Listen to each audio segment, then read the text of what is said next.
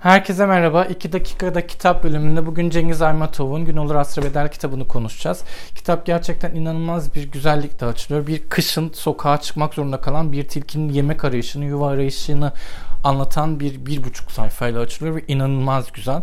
Zaten o o açılıştan anlıyorsunuz beyefendi gerçekten hayvanları çok güzel anlatıyor. Onun anlattığı hikayelerde Cengiz Bey'in anlattığı hikayelerde kitaplarında bir hayvan karakteri olmak istiyor insan. Neden? Zaten insan bir düşünen bir hayvan en neticesinde.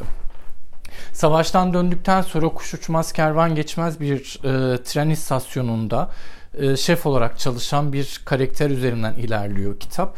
O civarda yani o e, ne denir ona tren istasyonunda çalışan 6-7 tane aile var ve hepsi yokluk ve hiçlik ortasındalar. Bayağı bildiğiniz Kazakistan'ın uçsuz bucaksız mezralarının ortasında bir yerdeler. Ve o noktada bir cenaze çıkıyor ve kitap o cenazeyi alıp sırtına ilerliyor.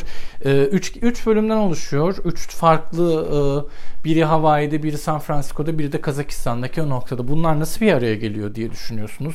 Ama işte kitabı okuyunca da deha ortaya çıkıyor. Bunlar o kadar çok güzel bir araya geliyor ki diyorsunuz ki zaten bu üç yer birbirinden asla ayrılmaz.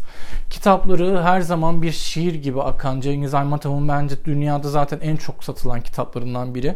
Muhakkak okumamız gerekiyor, okutmamız gerekiyor. Bu kitap aslına bakarsanız bir roman da değil ya, şiir gibi akıyor ee, insanın kendisiyle baş başa kalmasını ve insanın aslında verdiği kararların çoğu zaman tamamen duygulardan e, oluştuğunu ve aslında duygularla değil mantıkla daha çok düşünmemiz gerektiğini anlatan bir kitap.